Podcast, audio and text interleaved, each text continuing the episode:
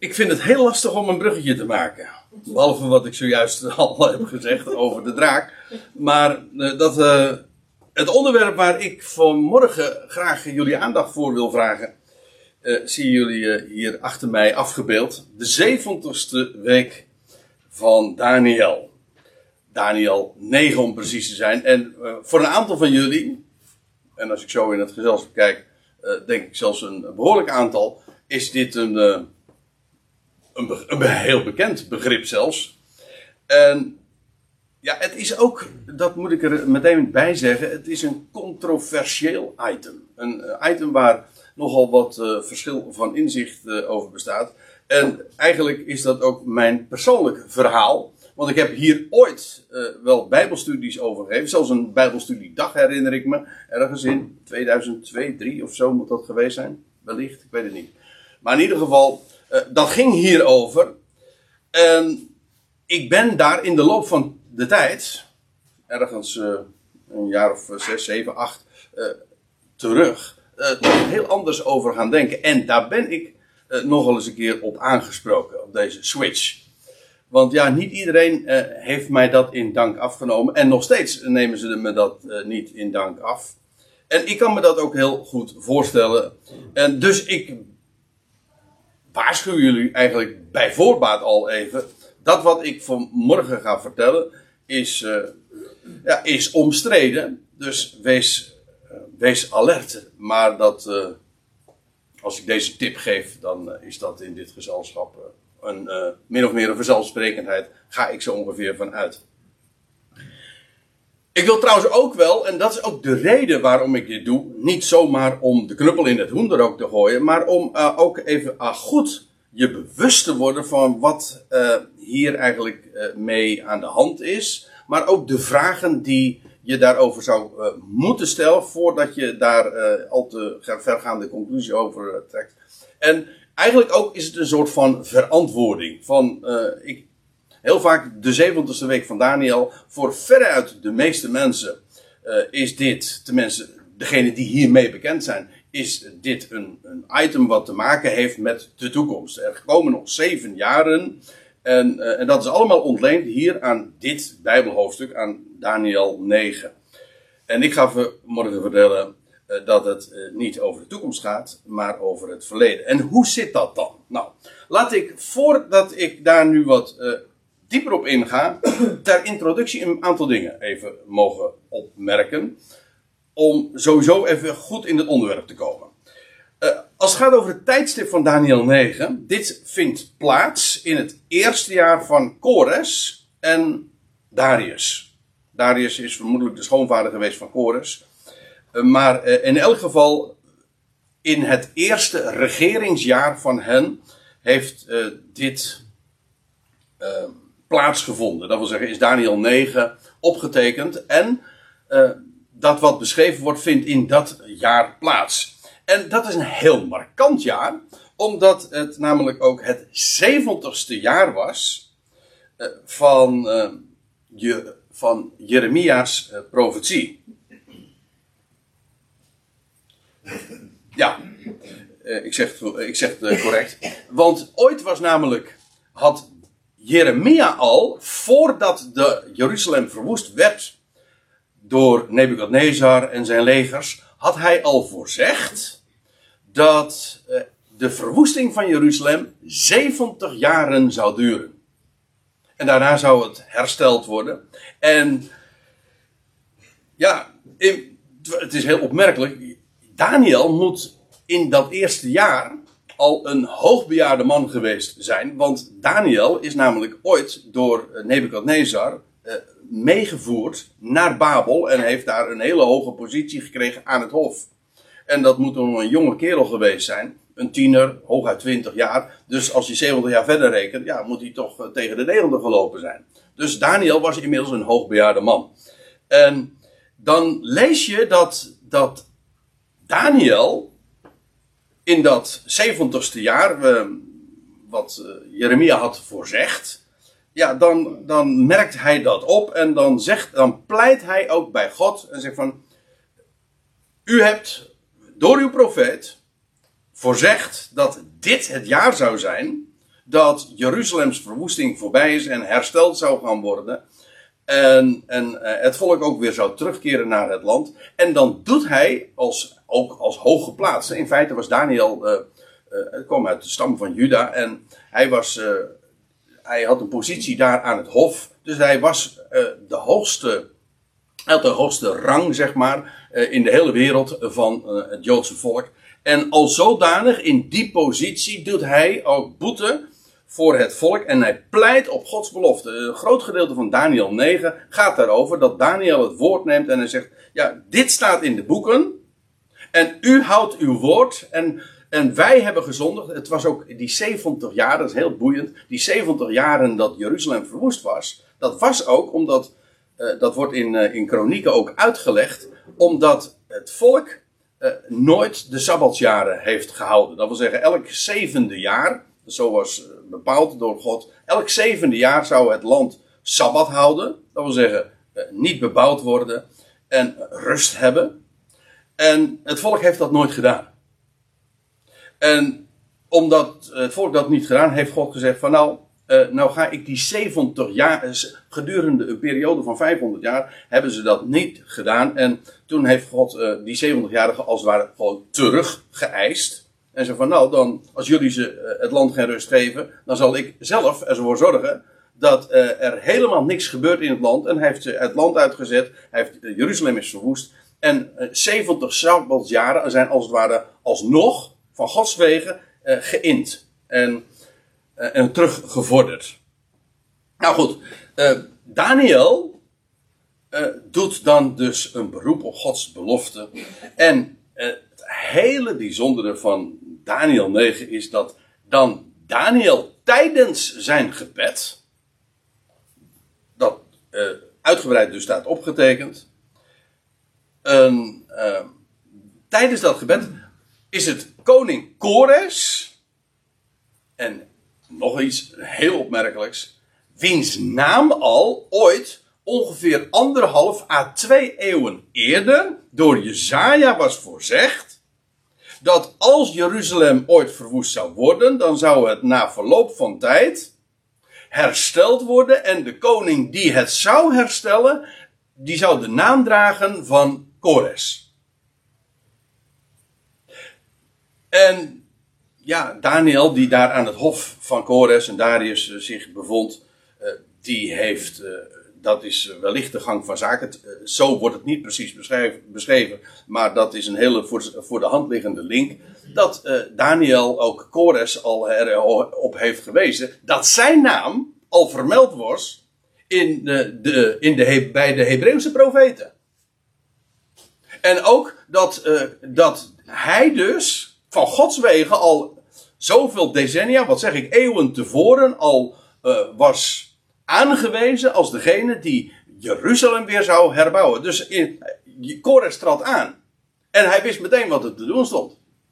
Hij wist zelfs wanneer het hem te doen stond. Want ja, Jeremia had gezegd, het was het 70ste jaar. En dan lees je ook inderdaad dat Kores, als hij het bevel geeft, het decreet of het, het edict, zoals dat dan netjes heet, uh, om Jeruzalem te herbouwen, dan zegt hij, ja, God heeft mij daartoe geroepen.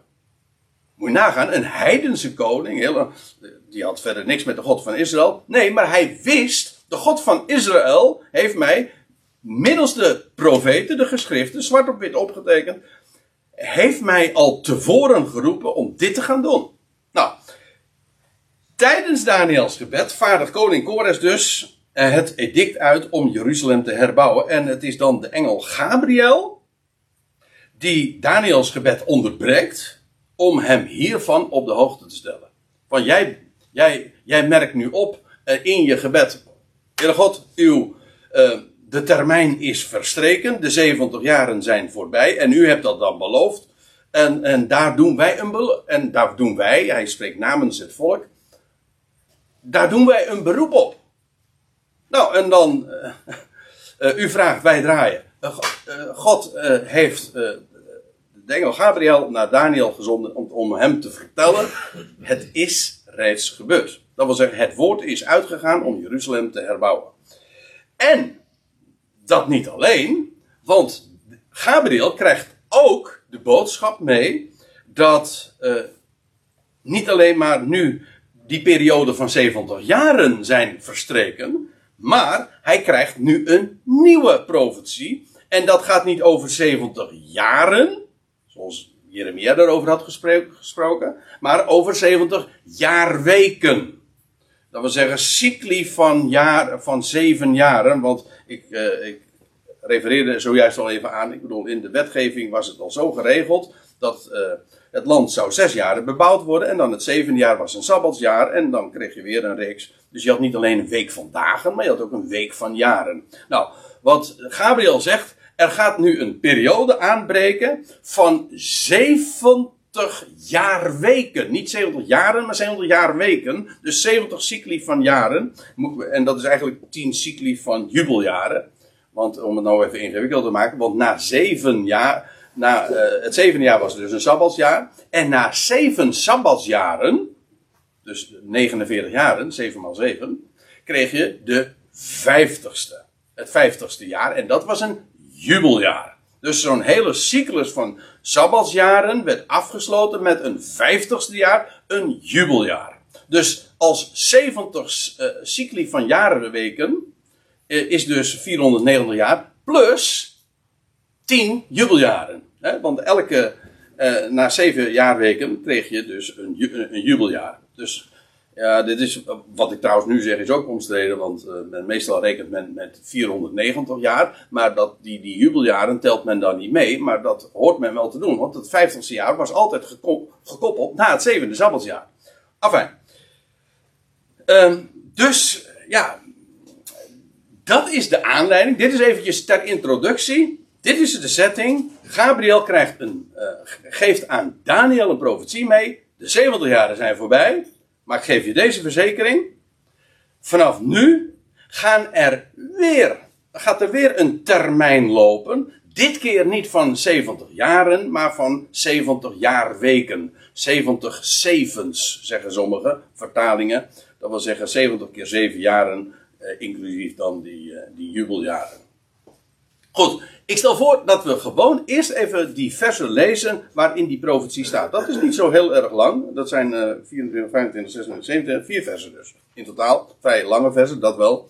Maar uh, ik lees het voor. Uit een vrij letterlijke vertaling. En ik wil uh, niet, zeker niet te diep ingaan op de... Ehm, op, op de 70 jaarweken in zijn geheel. Het gaat mij vooral maar ik, ik, moet deze setting geven, de, de, hele context.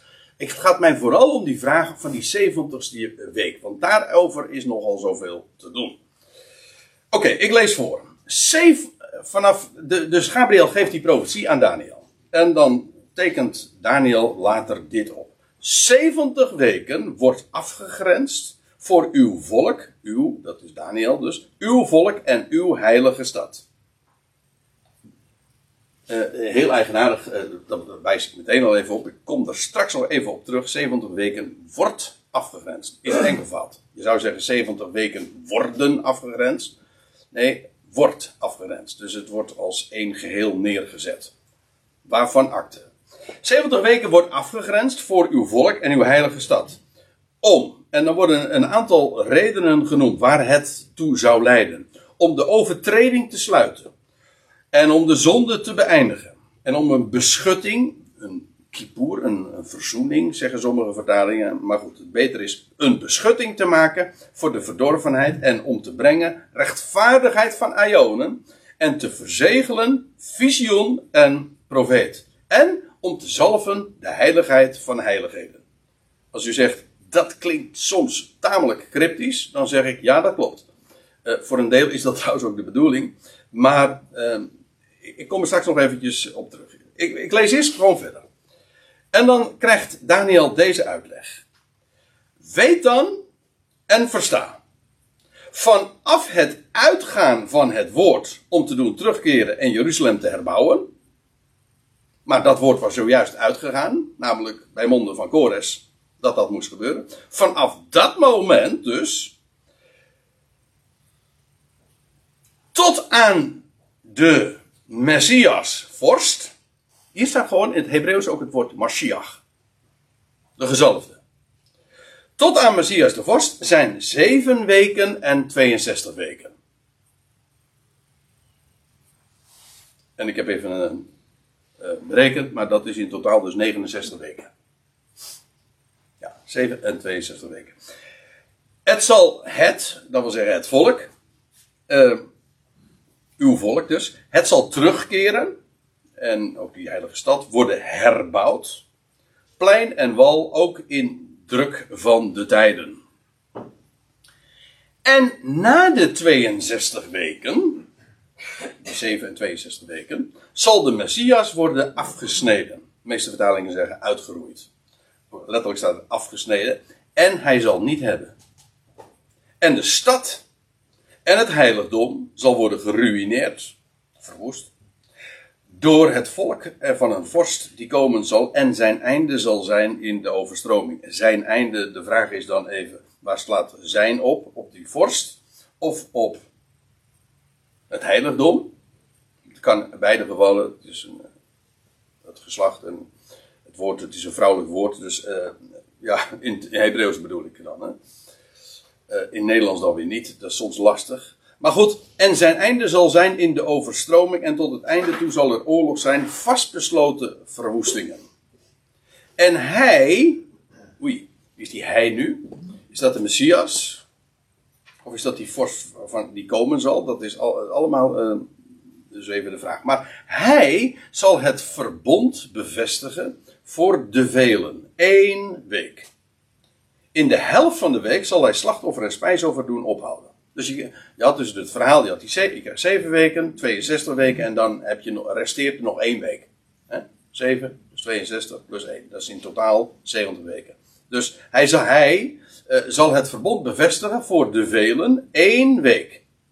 In de helft van de week, die jaarweek, die helft van die zevental jaren, zal hij slachtoffer en spijsoffer doen ophouden. En op een vleugel van gruwelen zal een verwoester zijn. En tot aan het einde die vastbesloten is, zal hij, zij worden uitgestort op het verwoesten. En als u goed en aandachtig meegeluisterd hebt en meegelezen hebt, dan, dan weet ik haast wel zeker dat uh, er een aantal van die frasen zijn. Hoe zit dat? Waarop heeft dat betrekking? Hoewel de structuur op zich van deze passage heel helder is, namelijk er worden 70 weken aangekondigd, een bepaalde termijn en die leiden naar de Messias. Want uh, laat, ik, laat ik even een, eerst een aantal dingen gewoon uh, voorop stellen die je zo kunt opmaken uit deze profetie, uit deze voorzegging. Uh, God voorzegt, ik vind dat altijd een geweldig kenmerk van het woord van God, die zegt niet alleen maar dat bepaalde dingen gaan gebeuren.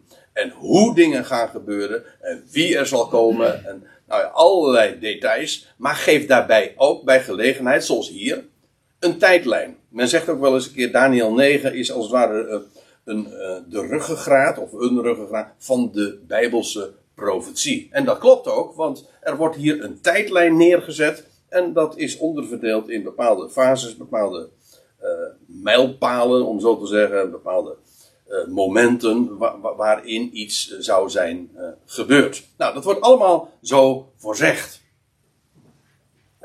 ook niet misschien, nee, zo, zal dat gaan. En zoals dat met die 70 jaren van die Jeremia ooit had voorzegd, letterlijk vervuld weer is. Ik bedoel, hoe opmerkelijk moet dat voor Daniel ook geweest zijn? Nou ja, ik zeg opmerkelijk, uh, Daniel wist het gewoon. Daniel wist gewoon, ja, uh, Jeremia heeft ooit al gezegd, voor de, voordat Jeruzalem überhaupt was verwoest, had hij al gezegd, gaat 70 jaar gaat het helemaal plat liggen. Helemaal niks. Gewoon. En, en het volk zal uh, in de ballingschap gaan. Maar die 70 jaren is dus heel duidelijk gelimiteerd. Na de 70 jaren, of met die 70 jaren, zal het weer terugkeren. Nou, ja, uh, je kunt allerlei vragen stellen, maar een paar dingen zijn, zo, zijn glashelder. En dat geldt met deze profetie ook. Dus vanaf dat het woord uitging om Jeruzalem te herbouwen, tot op de Messias, zouden 70 weken zijn. Hè? 7 en 62 en dan, en dan volgt nog die ene week. Maar dat is in totaal. In die, in die 70 weken zou de Messias dus inderdaad komen. Dus uh, als je even een, uh, een, tijdlijn dan neerzet, dan krijg je dus iedere keer, uh, dit is het zevende jaar, het veertiende jaar, dat zijn allemaal sabbatsjaren. Dus, hè. hier gaat het woord uit om Jeruzalem te herbouwen, wat onder leiding van Kores heeft plaatsgevonden. En dan, als je dan 70 weken verder rekent, ja, dan zou daar de Messias zijn. Dat is wat hier in deze profetie ge gezegd wordt. Dus het volk had een verwachting, een messiaanse verwachting. De Messias gaat komen. Dat die Messias zou gaan komen en wie hij zou zijn en uit welke stam hij zou komen, uit welke familie. Het was allemaal, dat was helder. Het was zelfs al helder waar hij geboren zou worden.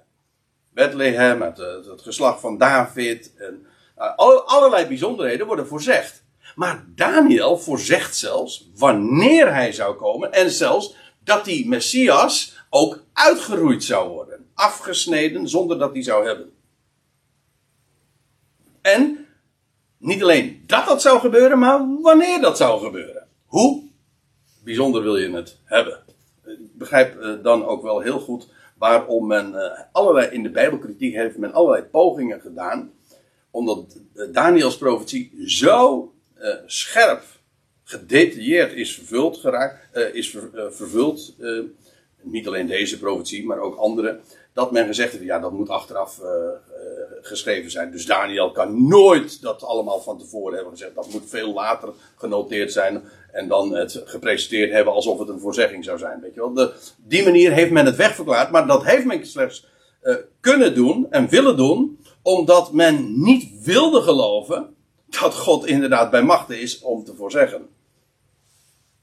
Ik bedoel, wij moeten het hebben met, uh, van, uh, van voorspellingen of van aannames van uh, verwachtingen à la het KNMI, prognoses van het RIVM en dergelijke. Nou, daar, daar moet je niet al te veel op blind varen. Dat weten we inmiddels wel. Hè? Het is aardig om het, te, om het te weten. Vooral om achteraf dan vooral hard te kunnen lachen, zeg maar. Ja. Nou ja, dat, dat, weet je, dat bedoel ik helemaal niet zo denigrerend als dat nu overkomt. Hoewel. Uh, uh, maar uh, ik wil eigenlijk, ik wil eigenlijk in dit verband zeg ik het vooral om aan te geven hoezeer de mens niet in staat is om eigenlijk ook maar iets zinnigs te zeggen over de toekomst. Er zijn altijd weer van die, ja, die ongekende. Er zijn van die dingen die je niet weet. En er zijn ook dingen waarvan je niet eens weet dat je ze niet weet. Ja, dat, dat gaat gebeuren. Van die in de in het Engels spreken ze dan over die black swans. Weet je wel, van die zwarte zwanen die binnen. had je never nooit op gerekend. Of zelfs maar kunnen veronderstellen dat die zouden, zouden gebeuren. En dat blijkt dan bepalend te zijn uiteindelijk voor, de, voor het hele verloop van de geschiedenis. Afijn, uh, dat is uh, wat. Uh, in Daniel wordt dit dus gezegd. Die perioden van 70 jaarweken zouden uiteindelijk leiden tot de Messias. Uh, ja, en dan moet ik erbij zeggen, en ik heb het uh, voorgelezen, de Messias en uh, met hem in die 70 weken, hè, dat lazen we in vers 24, dan zou de overtreding zijn afgesloten, de zonde beëindigd, een beschutting van verdorvenheid gemaakt. Dat wil zeggen, de beschutting is eigenlijk het woord voor kippur, hè, een verzoening, meestal wordt dat weergegeven. Dat wil zeggen, maar eigenlijk betekent het een, een, een bescherming, zodat je uh, zoals de ark beschut was, weet je wel, beschermd tegen. Wel, er zou een beschutting, het, het, het uh, woord bijvoorbeeld dat staat uh, in verband met de verzoening, de, de hoge priester die verzoening doet in het heiligdom, daar wordt eigenlijk dit woord gebruikt. Dus het heeft iets, die 70ste week zou leiden tot beschutting, verzoening. vandaar ook de zonde beëindigd. Rechtvaardigheid van Ionen gebracht visioen en profeet verzegeld en de heiligheid van heiligheden gezalfd. Die is misschien nog wat lastigst, maar in ieder geval iets allerheiligs zou in die 70 weken gezalfd worden. En als je mij vraagt, eh, is het allerheiligste wat ik ken, dat is de gezalfde, de Mashiach. En die zou uh, gezalfd worden en dat is in ieder geval in zijn opstanding gerealiseerd. Definitief. En, uh, en voor de rest, al deze dingen zijn ook in feite de jure, zoals dat heet, gewoon rechtens in het verleden bij de eerste komst van de Messias uh, gerealiseerd. Dat wil zeggen, in hem en in het offer dat hij bracht, is de zonde beëindigd. En de overtreding afgesloten. En een beschutting, een verzoening is er tot stand gebracht. En rechtvaardigheid is aangebracht. Ja, en die, laat, die vijfde, dat is nog een apart ding. Visioen en profeet verzegeld. Hey, dat is heel eigenaardig. Want het betekent namelijk, let op, als, de, als een visioen of een profetie wordt verzegeld, dan betekent dat dat iets toegesloten wordt, zodat het niet meer begrepen wordt. Als, uh, van Daniel lees je in Daniel 12 dat hij de woorden van de profetie moest verzegelen. Dat is hetzelfde woord. En dat betekent, en hij en zegt pas in de eindtijd zal het duidelijk worden. Dan zal de, dan zal de boekrol als het ware ontzegeld worden en dan zal, dan zal het toegankelijk worden. Dan zal het verstaan en begrepen worden. Maar in die 70 week zou visioen en profeet voor het volk en de heilige stad worden verzegeld, toegesloten. Ik kom er straks nog even op terug. Uh, eerst even dit nog. Want uh, ik wil even een paar dingen op een rijtje zetten over hoe we deze passage hebben te verstaan. Uh, die periode is, en ik heb het al eigenlijk, denk ik, enigszins duidelijk gemaakt is onderverdeeld dus in zeven weken. Uh, heb ik dan de hele niet goed gedaan, zeker? Oh, wacht dit zijn. Uh, ja, wacht, dit is niet het zevende, uh, dit is niet het zevende jaar, had ik dat in de inleiding zo gezegd. Dit is niet het zevende jaar, dit is het zevende jaar, zevende jaarweek. Dat moet ik eventjes herstellen. Maar in ieder geval, zeven weken uh, zijn dus, dus eigenlijk een cyclus van sabbatsjaar. Zeven uh, sabbatsjaren. Nou, in die periode is Jeruzalem herbouwd. Je krijgt dus eerst een periode van, van zeven weken. Dan krijg je vervolgens een hele lange periode van 62 jaarweken. 62 cycli van, jaar, van sabbatsjaren. En dat is deze hele lange periode van, uh, nou ja, bijna, wat is het, uh, 4,5 eeuw zeg maar. Zeven weken, dat is de herbouw van de stad. Eh, zo stond dat ook al beschreven in vers 25. Dan krijg je uh, eh, 62 weken. En dit is ook een hele roerige tijd geweest. Trouwens, dat wordt ook al gezegd hè, in de druk der tijden.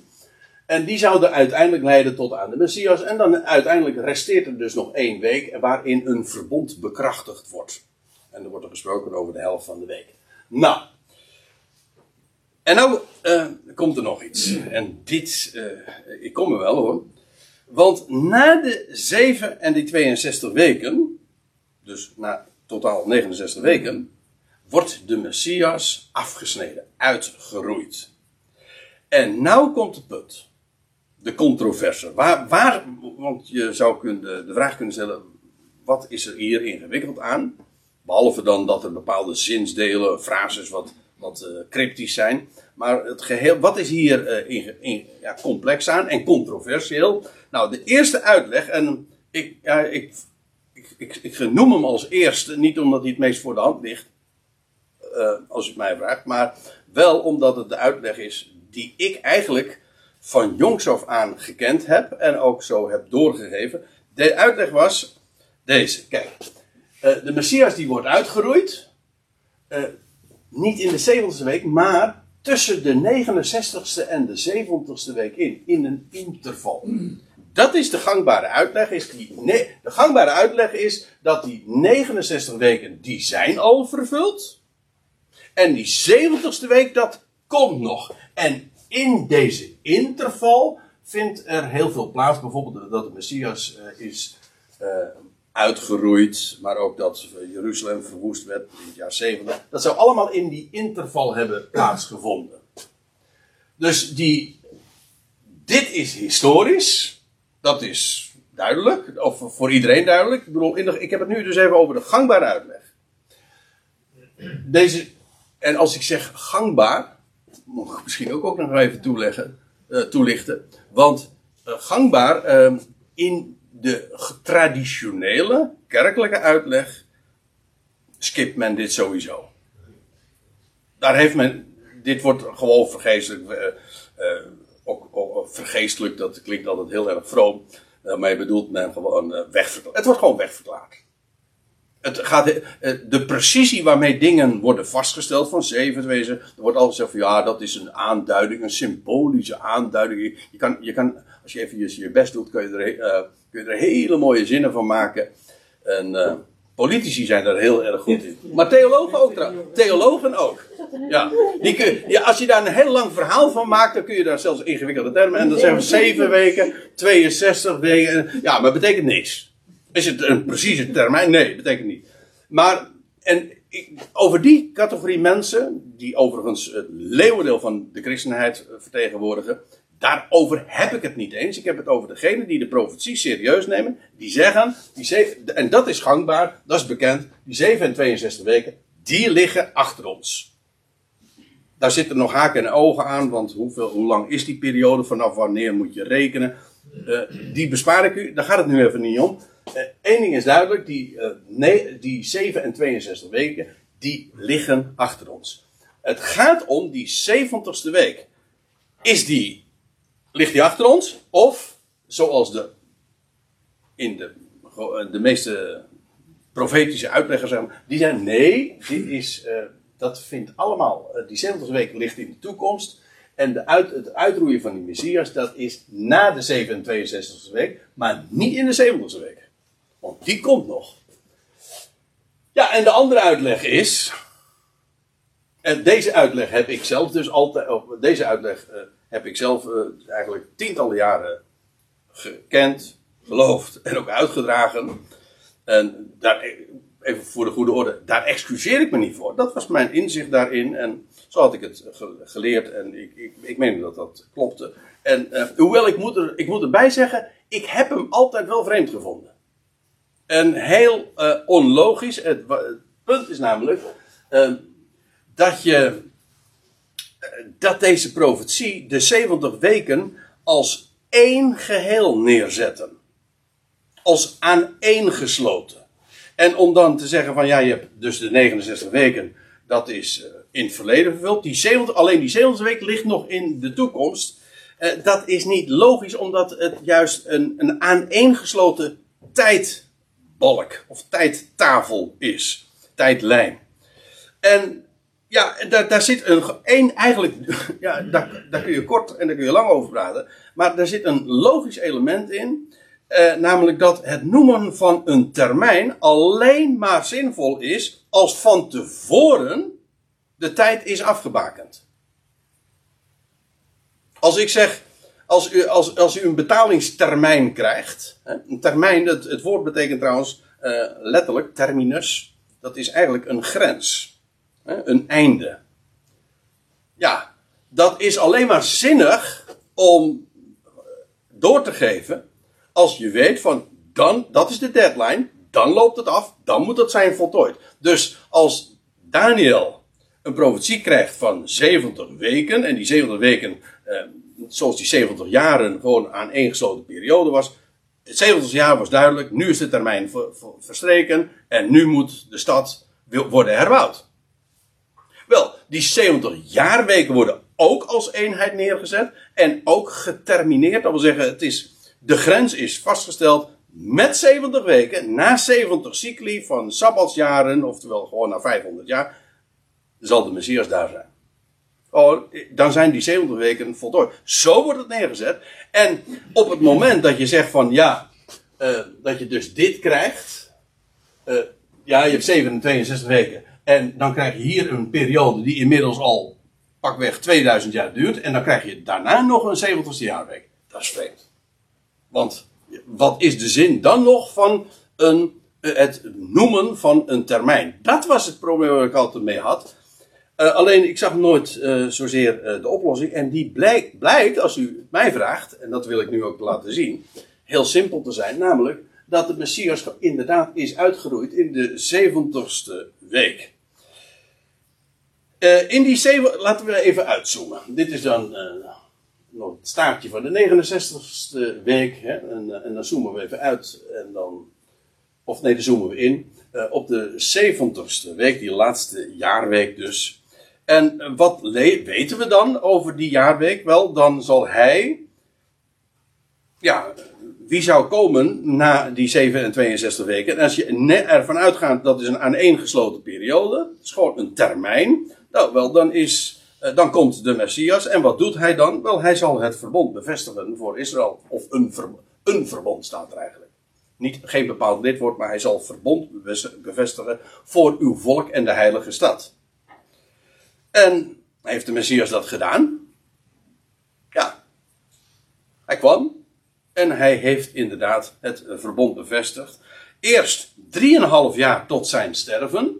Want de Heer trad aan en die perioden dat hij gearbeid heeft, heeft drieënhalf jaar geduurd. Dat is vrij uh, goed ook na te gaan. Want we weten uh, dat als je kijkt in de, de evangelie na, de Heer Jezus heeft gedurende zijn openbare bediening, hij is, gezalfd, hij is gezalfd ooit toen uh, dat we zeggen, toen hij gedoopt werd, toen kwam de Heilige Geest op hem. En dat wordt zijn zalving ook genoemd. Wel, vanaf, die, uh, vanaf dat moment zijn er in zijn openbare optreden dus begonnen. En heeft hij een aantal paarscha's ook in Jeruzalem gevierd. En wel een drie, een, zeg ik het goed? Ja, drie, drie keer. En na, een, na drieënhalf jaar is hij gestorven de Messias dus in, in de 70ste week. En die periode, eh, van, vanaf zijn openbare optreden, vanaf zijn doop, tot aan zijn sterven is 3,5 jaar. Dat betekent trouwens dat als dit het paascha was, dan betekent dat uh, hij uh, gedoopt moet zijn uh, ergens in het najaar. Dat wil zeggen in de maand Tishri. dus, want ja, daar, tussen paascha en, en Tishri, Joodse nieuwjaar, zit een half jaar. De, de, de, de details, daar gaan we nu niet te diep op in, want dat zou echt te ver voeren. Gaat me even om een, om een, idee te krijgen. Dus eerst uh, volgt een, krijg je een periode van een, een drieënhalf tal jaren. Maar daar is niet bij gebleven, want dan volgt nog een periode voor Israël en de heilige stad. Namelijk dat de twaalf en ook Stefanus, zijn naam betekent trouwens kroon, uh, gepredikt hebben in Jeruzalem. En ook dat dat toen, dat het nieuwe verbond voor Israël, uw volk en uw heilige stad, dat is gepredikt in Jeruzalem. Ook en ook bevestigd, niet alleen maar gesproken en officieel door de getuigen uh, uh, weer verteld, maar ook bevestigd van Gods wegen. De Heer zelf, de Messias, heeft van bovenaf heeft ver, vervolgens het getuigenis van de twaalf en, en, en de, getuig, de andere getuigen, zoals Stefanus, heeft hij bevestigd met wondertekenen ook. Dus van Gods wegen is inderdaad het verbond gedurende een week, eerst tot aan zijn sterven, daarna ook nog tot aan de dood van Stefanus. Deze periode, dat is in totaal een zevental jaren geweest, uh, is inderdaad de, uh, het verbond uh, bevestigd en be bekrachtigd. En, ja, en, en, deze week is dus uh, onderverdeeld in twee gelijke helften. En eerst tot aan zijn sterven en daarna de periode dat in Jeruzalem het woord klonk van het nieuwe verbond. En ook met de, de tekenen die daarbij behoorden. Daarna is het over. Daarna, na de dood van Stefanus, worden er geen wonderen meer in Jeruzalem gedaan. Klinkt ook het bevestigen, de getuigenis niet meer van hen. Al daar dat het nabij, of dat het voor het grijpen lag. Dan krijg je ook de roeping van Paulus. Want bij de dood van Stefanus is wie, wie, wie loopt zich dan warm? Wie, wiens naam komt dan als eerste naar voren. Nou ja, naar voren op de achtergrond eigenlijk. Maar zijn naam klinkt als eerste Saulus. En die wordt dan, dat lees je dan in Handelingen 9, die wordt dan geroepen. Maar dit is, deze, deze tijdvak, die in totaal dus zeven jaar geduurd heeft. Deze exacte lijn wordt trouwens alleen in Daniel genoemd. Je kunt hem opmaken in het Nieuwe Testament, maar wordt niet zo specifiek genoemd. Dat moet ik er ook bij zeggen.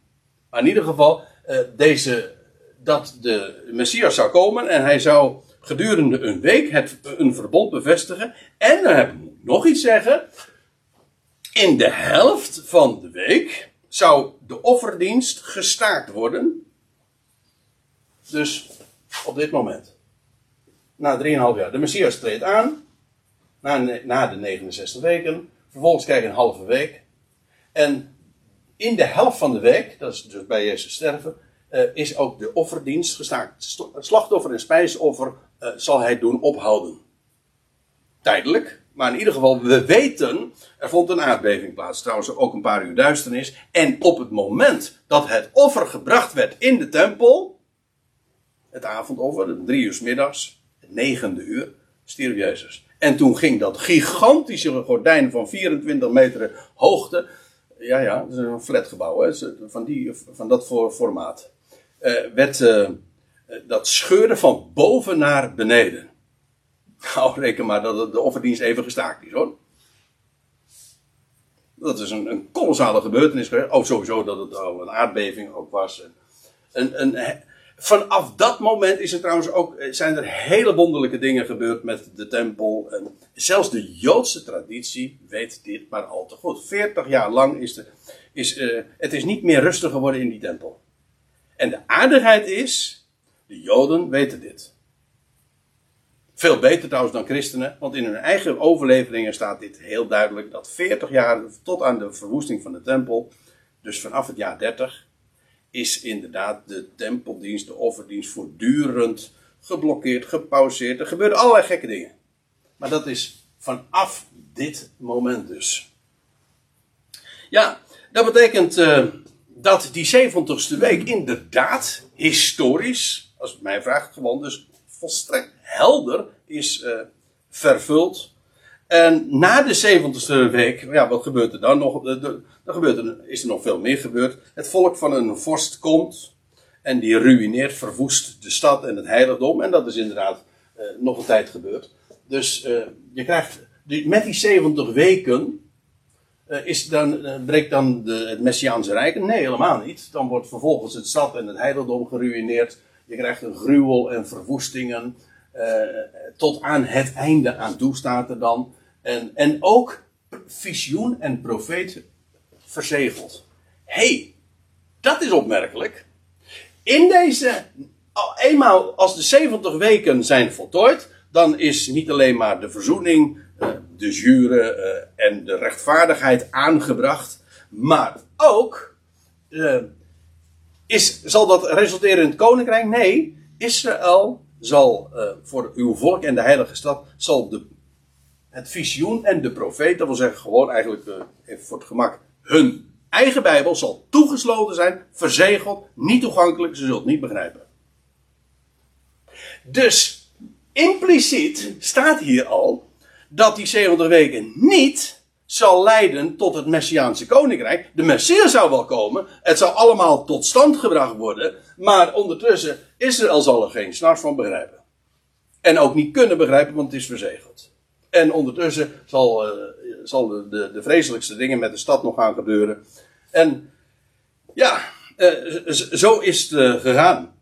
En nou wil ik tenslotte nog een, een, een paar dingen even ook bespreken. Want er zijn een aantal, een, ja, meer, maar de drie belangrijkste bezwaren uh, tegen deze historische uitleg van wat ik nu verteld heb. Van kijk, die, die hele periode vanaf Kores tot aan uh, de Messias, dat is inderdaad 70 weken, 7, 62 weken, een week nog.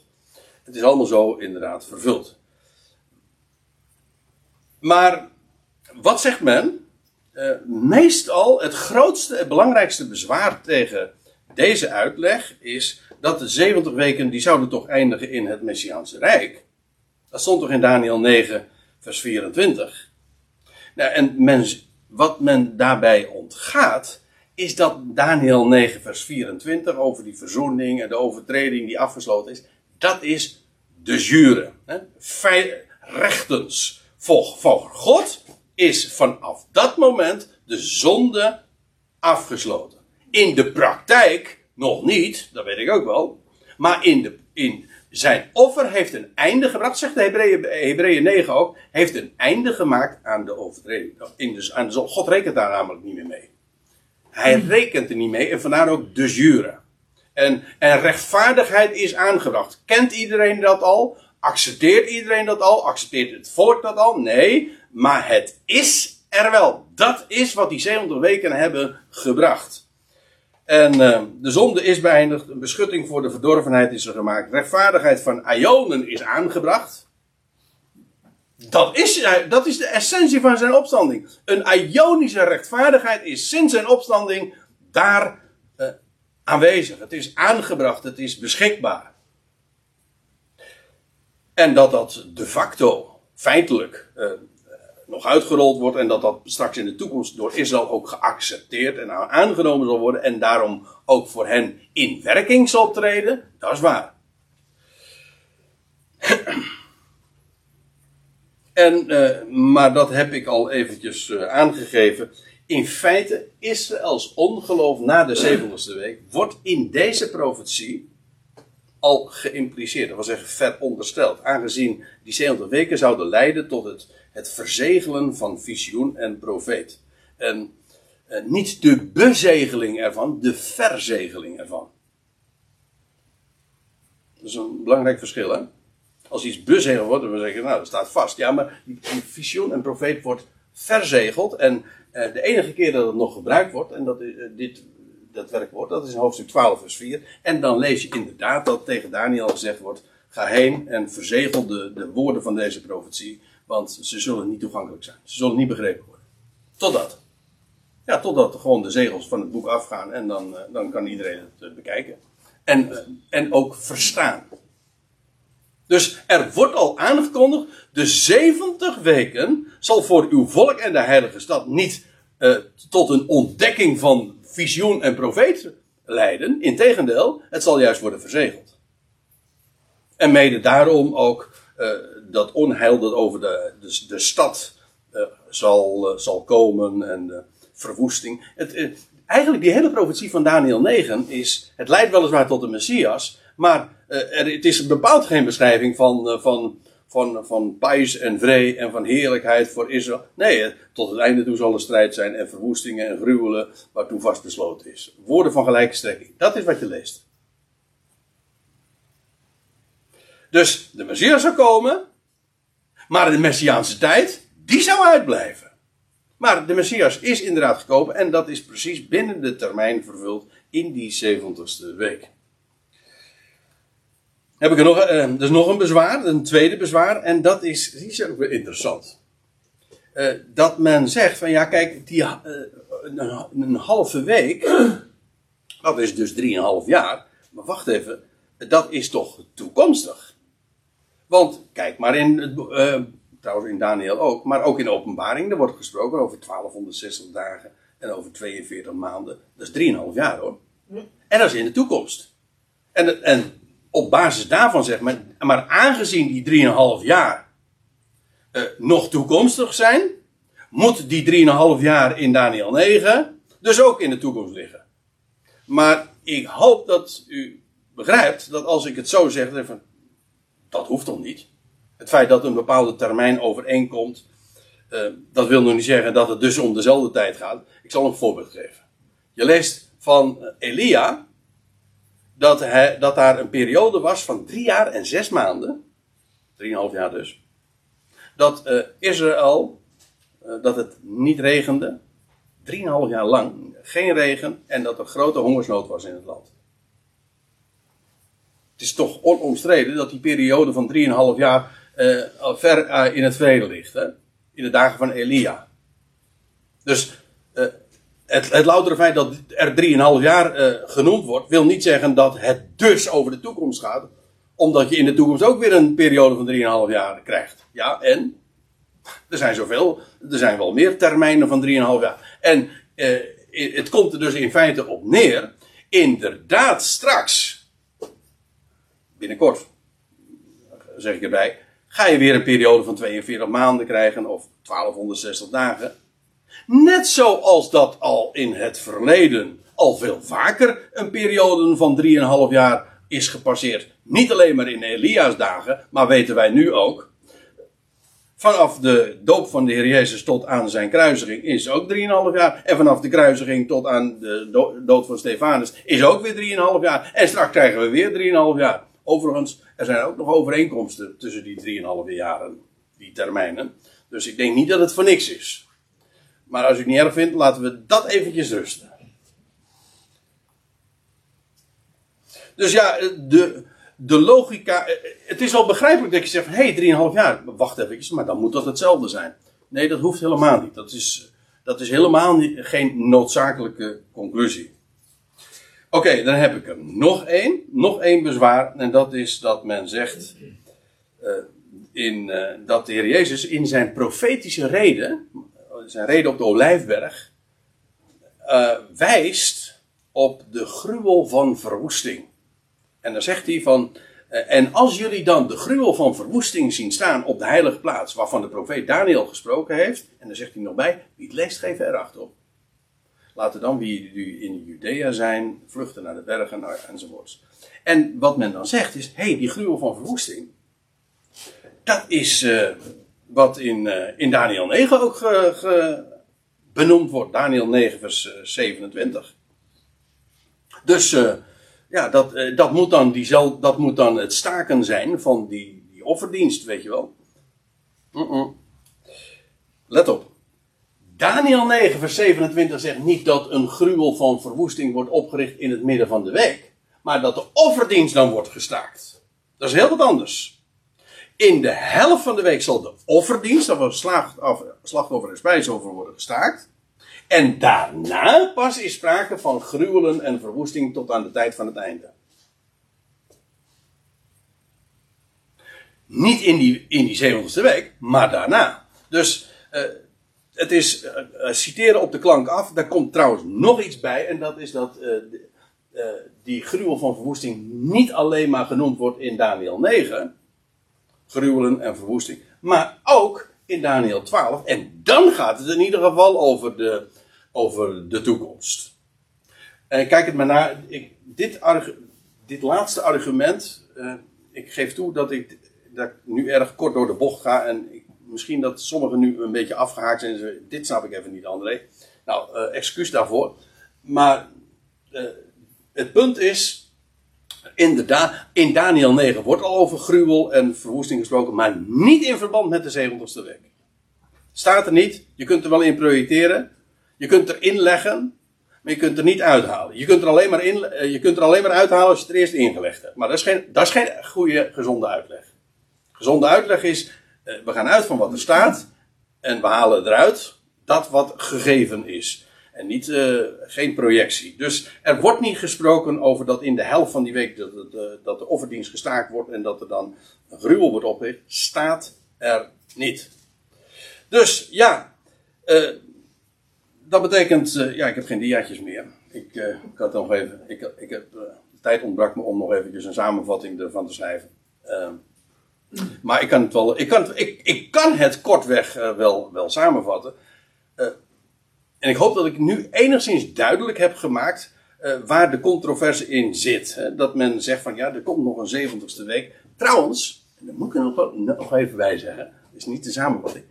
Kijk het maar na in de profetie, in Daniel of in de openbaring. Nooit is er sprake van zeven jaren nog. Van een week.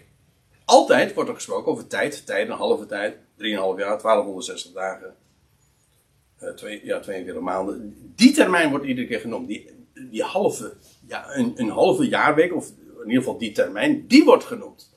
Maar die zeven jaar projecteren in de toekomst, in de profetie vindt dat, zien we dat niet terug.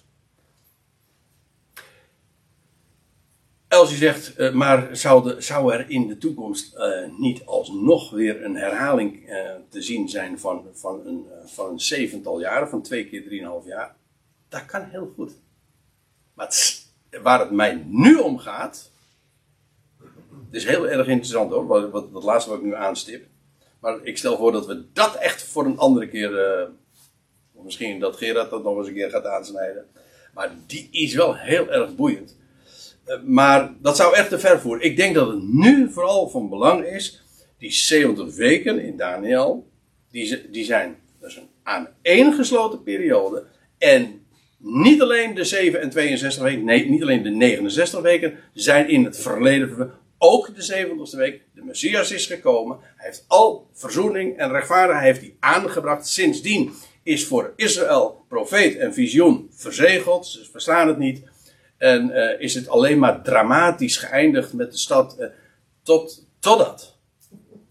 Totdat. En dat gaat nog komen. En dan gaan we in de toekomst opnieuw inderdaad weer een 3,5 jaar krijgen. Maar dat staat niet in Daniel 9. Daniel 9 gaan die 70 weken over de tijd vanaf de herbouw van Jeruzalem tot aan de Messias. Nou, ik hoop dat enigszins overtuigend te hebben duidelijk gemaakt. En daarmee ook uh, dat ik daarmee wat bonnetjes heb gegeven van, van nou, zo zit die, die vork aan de steel. Hoe zit het nou met die 70ste week? Uh, hoe zit het ook met die verschillen? Want ik ken, mag ik dat als al wel laatste zeggen? Er zijn broeders die ik zeer, zeer hoog acht. Uh, die uh, dit anders verstaan en die, zien, die, die denken, net als ik in het verleden dat ook deed, dat die 70ste week in de toekomst ligt. En die hebben moeite met deze uitleg. Het zij zo.